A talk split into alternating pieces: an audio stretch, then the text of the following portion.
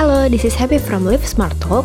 Pada kesempatan kali ini, aku ingin membahas tentang empat cara ampuh bangkit dari kesedihan.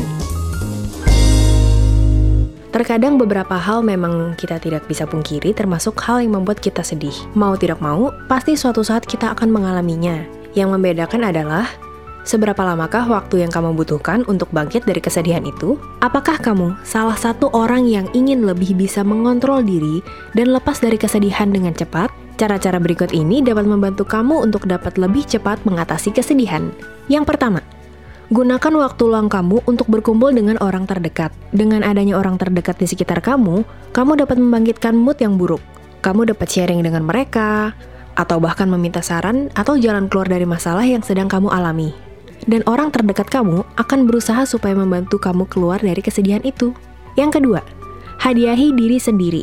Terkadang benda atau rutinitas yang baru dapat mempengaruhi mood kita juga loh. Apabila memang perlu, kamu dapat membantu diri dengan pergi keluar agar lebih rileks, menonton film yang selama ini kamu ingin tonton, membeli sesuatu yang kamu inginkan, bahkan contohnya pergi ke spa.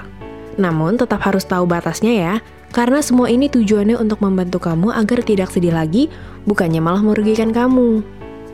Yang ketiga, menulis. Apabila kamu tidak bisa meluapkan kesedihan kamu kepada orang terdekat, kamu bisa coba untuk mulai menulis. Kamu bisa tuangkan perasaan kamu di sana dan tidak ada orang yang perlu tahu. Menulis faktanya dapat menjadi pelampiasan kecil dan membuat sang penulis lebih lega setelah melakukannya. Dan yang terakhir, berolahraga. Agar pikiran fresh, badan kamu juga harus fresh. Mulailah rutinitas olahraga kamu agar mendapatkan semangat baru dan juga mengeluarkan energi negatif yang berada dalam pikiran kamu. Ingat ya guys, sedih itu boleh, tapi jangan lama-lama. Karena semakin kamu tidak bisa keluar dalam kesedihanmu itu, kamu akan merasa semakin terpuruk dan semakin larut dalam kesedihan.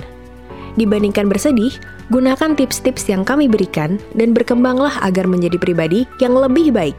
That's all for now. Stay tuned to the next episode.